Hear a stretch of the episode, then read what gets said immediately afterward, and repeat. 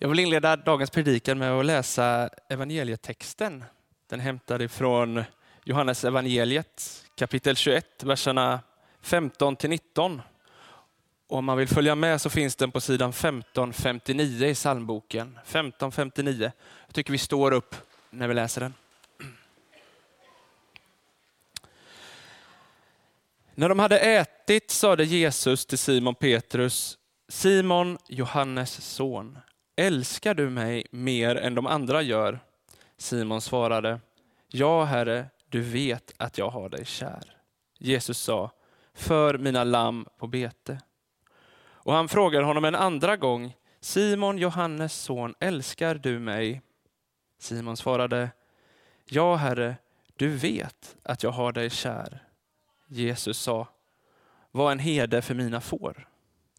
Och han frågade honom en tredje gång, Simon, Johannes son, har du mig kär?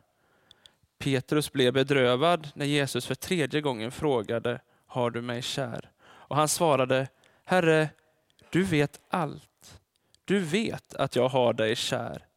Jesus sa, för mina får på bete. Sannerligen, jag säger dig, när du var ung spände du själv bältet om dig och gick vart du ville. Men när du blir gammal ska du sträcka ut dina armar och någon annan ska spänna bältet om dig och föra dig dit du inte vill. Och så angav han på, på vilket slags sätt Petrus skulle dö och förhärliga Gud. Sedan sade han till honom, följ mig. Varsågod och sitt.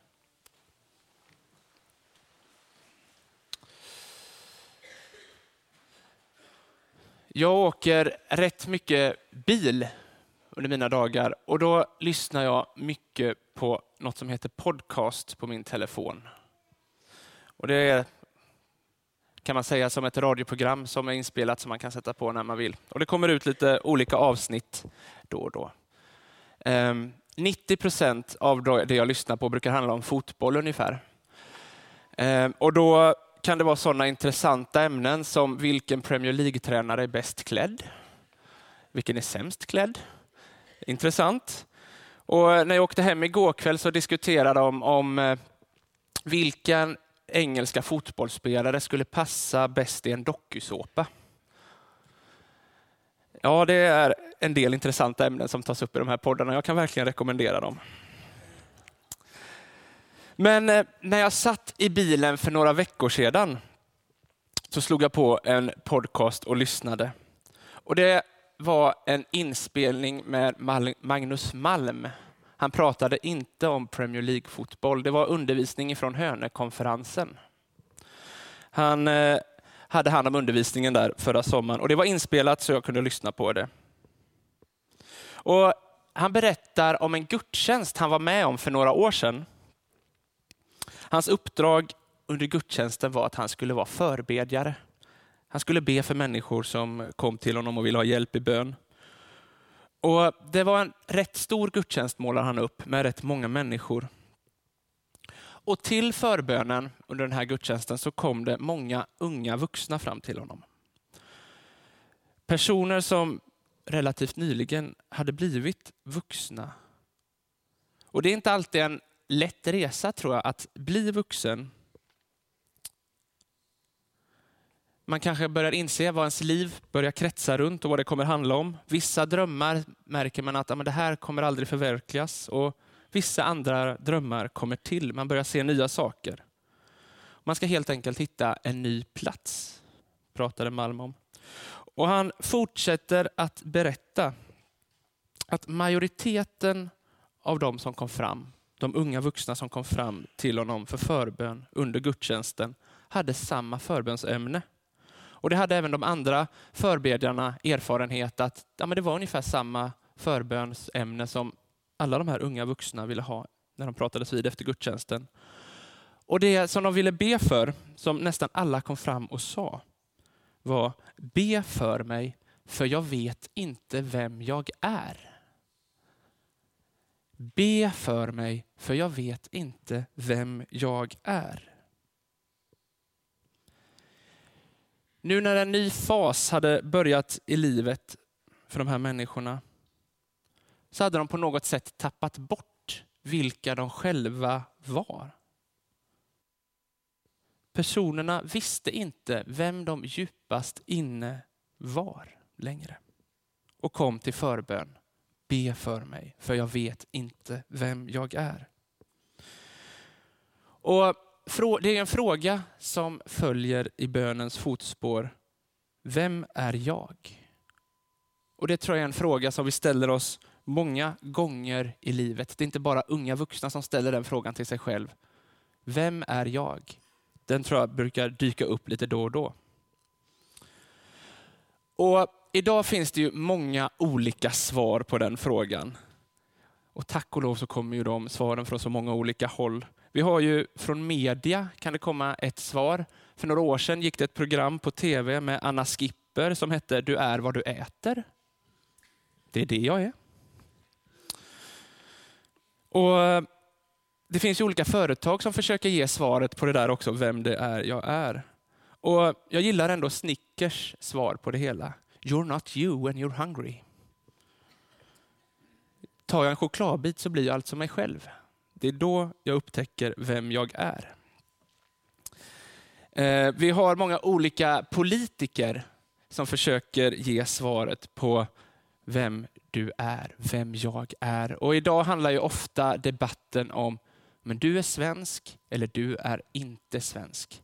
Är det svensk jag är eller vad är jag? Det är ett svar. Vi har många forskare som försöker ge svaret på vem jag är.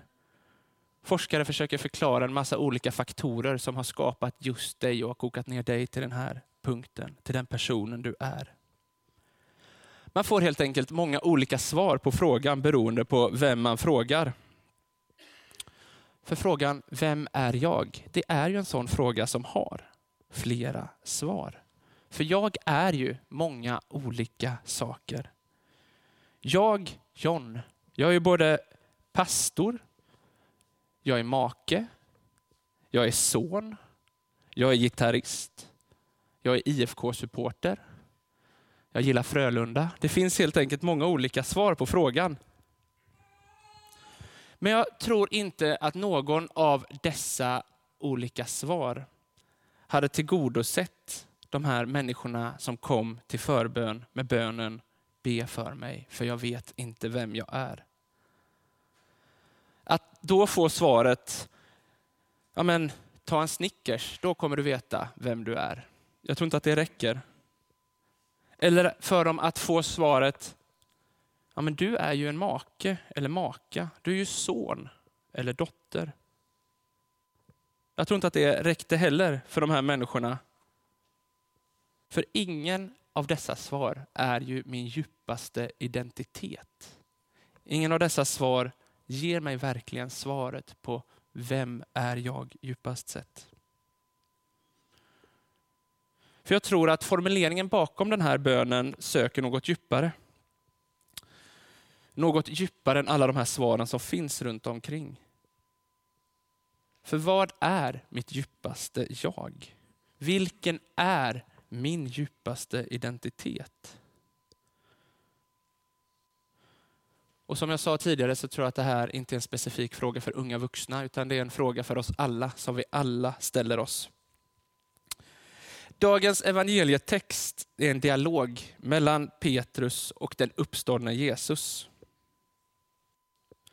Och det är kanske först här, i den här dialogen, som kulmen av påsken nås för Petrus. Det är kanske först här som påskens verkliga budskap bryter fram inom honom. Och han verkligen förstår innebörden av vad det är som har hänt. I evangelierna så har vi fått följa Jesus, eller följa Petrus. Vi har fått följa Jesus också, men vi har följt Petrus. Vi har fått möta honom när han har stark tro, när han är själv, självsäker. Och vi har fått möta honom när han har tvivlat. Och under skärtorsdagen så äter ju Jesus den sista måltiden tillsammans med sina lärjungar. Och Jesus berättar där vad som kommer att hända. Han kommer att bli förrådd och dödad och lärjungarna reagerar med bestörtning. De blir bestörta. Och det här under denna stund, mitt i lärjungarnas för tvivel och förtvivlan, som Petrus självbild blir tydlig. Den han trycker och den han tror att han är. I Matteus evangeliet kapitel 26, vers 33 står det följande. Petrus svarade Jesus, även om alla andra kommer på fall för din skull, så ska då jag då aldrig komma på fall. Petrus har alltså en tydlig självbild här. Han har en bild av vem han djupast är. Han är den som aldrig, aldrig, aldrig kommer svika. Han kommer aldrig svika Jesus. Han kommer stå fast vid Jesus sida ända till slutet.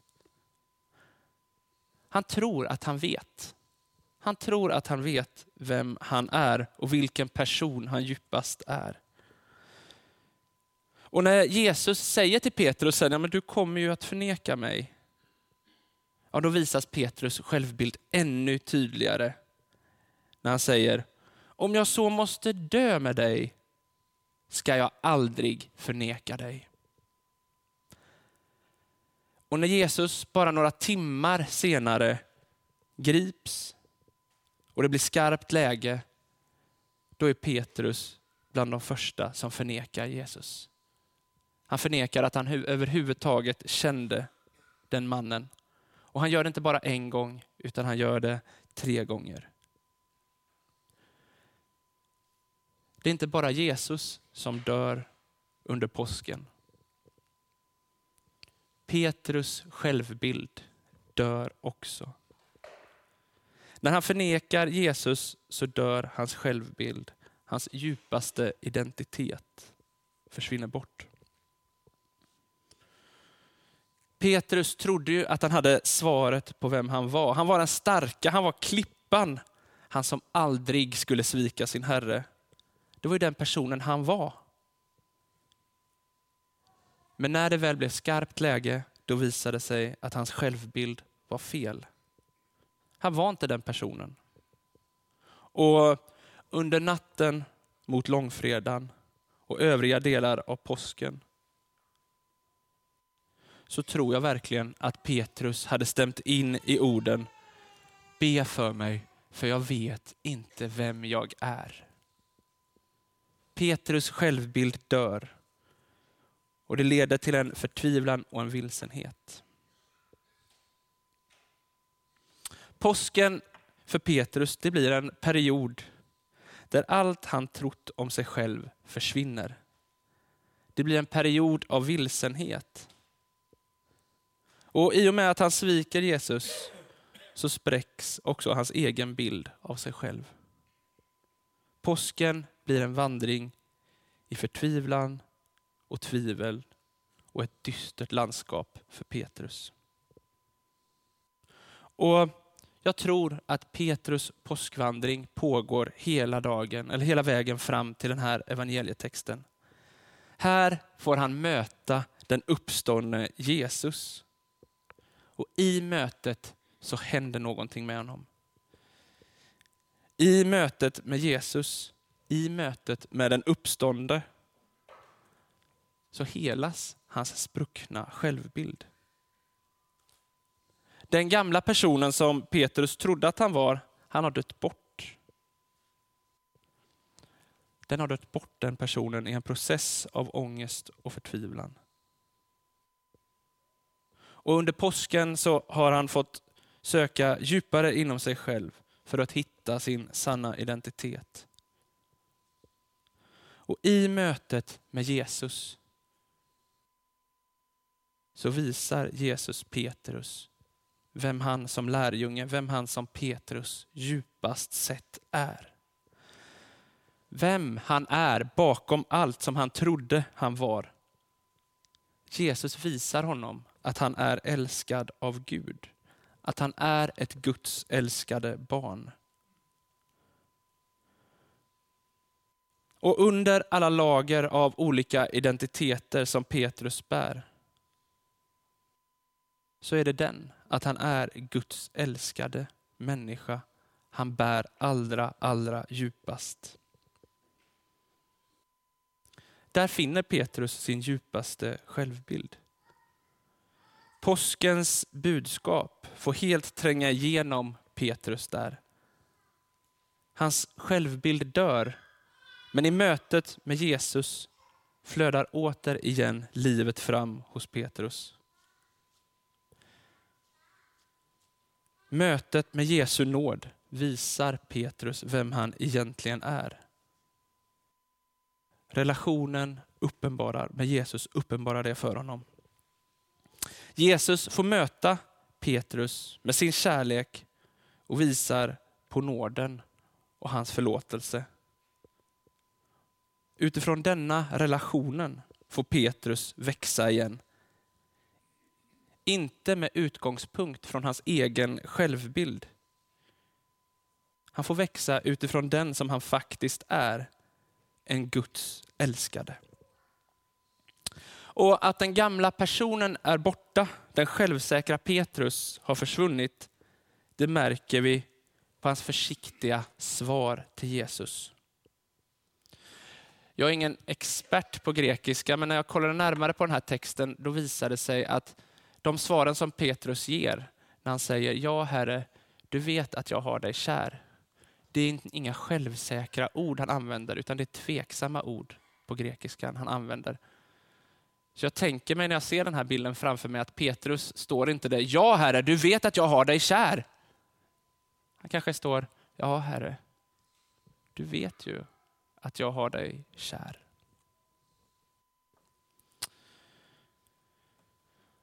Tore inledde gudstjänsten med att läsa en text ur Jeremia. När Gud säger till Jeremia att gå ner till krukmakaren. Och där ser han hur leran formas om till ett kärl. Och Samma sak tänker jag uppstår i mötet mellan Jesus och Petrus. I mötet så blir Petrus något nytt. Jesus visar honom vem han är. Det han tidigare var, det har formats om. Och Jesus visar Petrus vad han djupast sett är. Han visar honom på ett sannare och ett djupare liv. Och utifrån denna grund, utifrån denna gemenskap med Jesus, så får också Petrus ta emot sin kallelse. Jesus säger till honom, för mina får på bete. Och här är det inte den självsäkra Petrus som kommer fram. Här är det den något tvivlande, något tveksamma, men ändå så kärleksfulla Petrus som kommer fram. Petrus har fått inse i samtalet vem det är han är. En människa som är beroende av Guds kärlek. Och först när han har insett det, då är han redo att ta emot Jesu kallelse. För först när han har insett det, så vet han vem han är. Och då kan han också ge det han är till Jesus.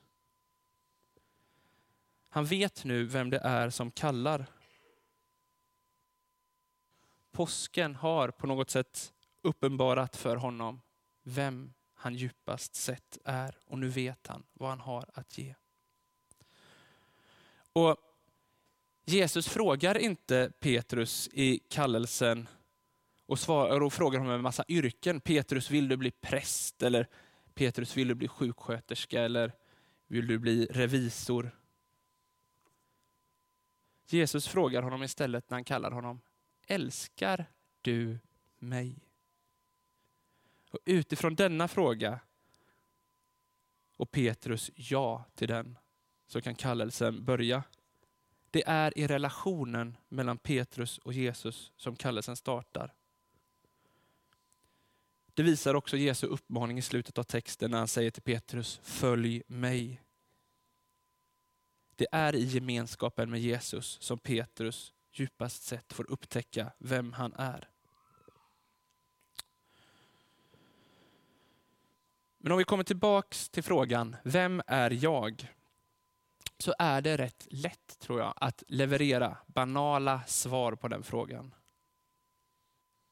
Olika företag, som vi pratade om innan, olika reklamer försöker svara på frågan. Och ofta blir det rätt banalt. You're not you when you're hungry. Ta en chokladbit så blir du du igen. Det är inget svårt att leverera ett banalt svar på den frågan, tänker jag. Och ibland är det till och med så att vi i kyrkan ger ett banalt svar på frågan. Utan att ens gå på djupet eller ens kanske riktigt ta den på allvar. Men kanske kan den här dialogen mellan Petrus och Jesus få oss att förnimma vad det innebär att finna sig själv.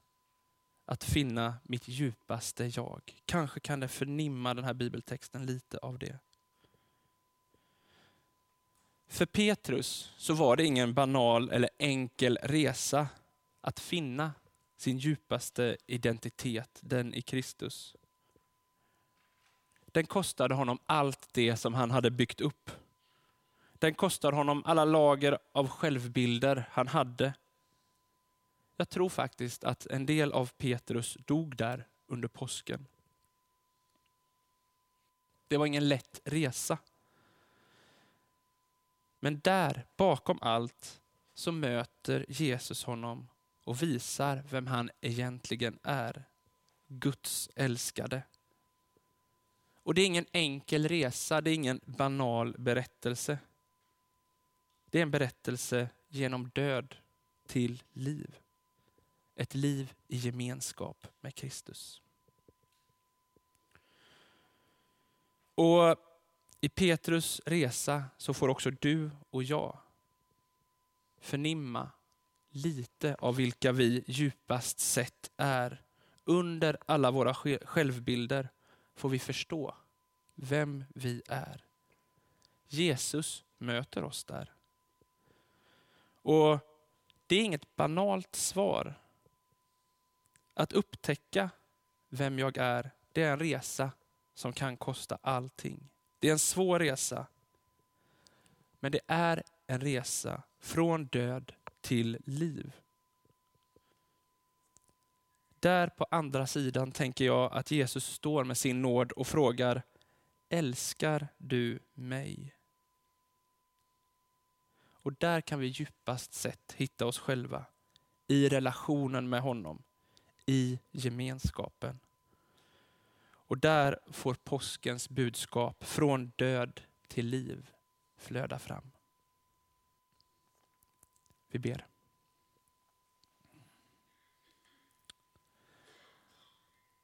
Ja, Herre. Hjälp oss att förstå vilka vi djupast sett är. Herre, var med oss på den svåra resa som det kan vara ibland när självbilder förstörs och dör bort, Gud. När de personerna som vi trodde vi var försvinner. Men led oss in i en sannare och djupare gemenskap med dig, Herre. Vi ber så i ditt eget namn. Amen.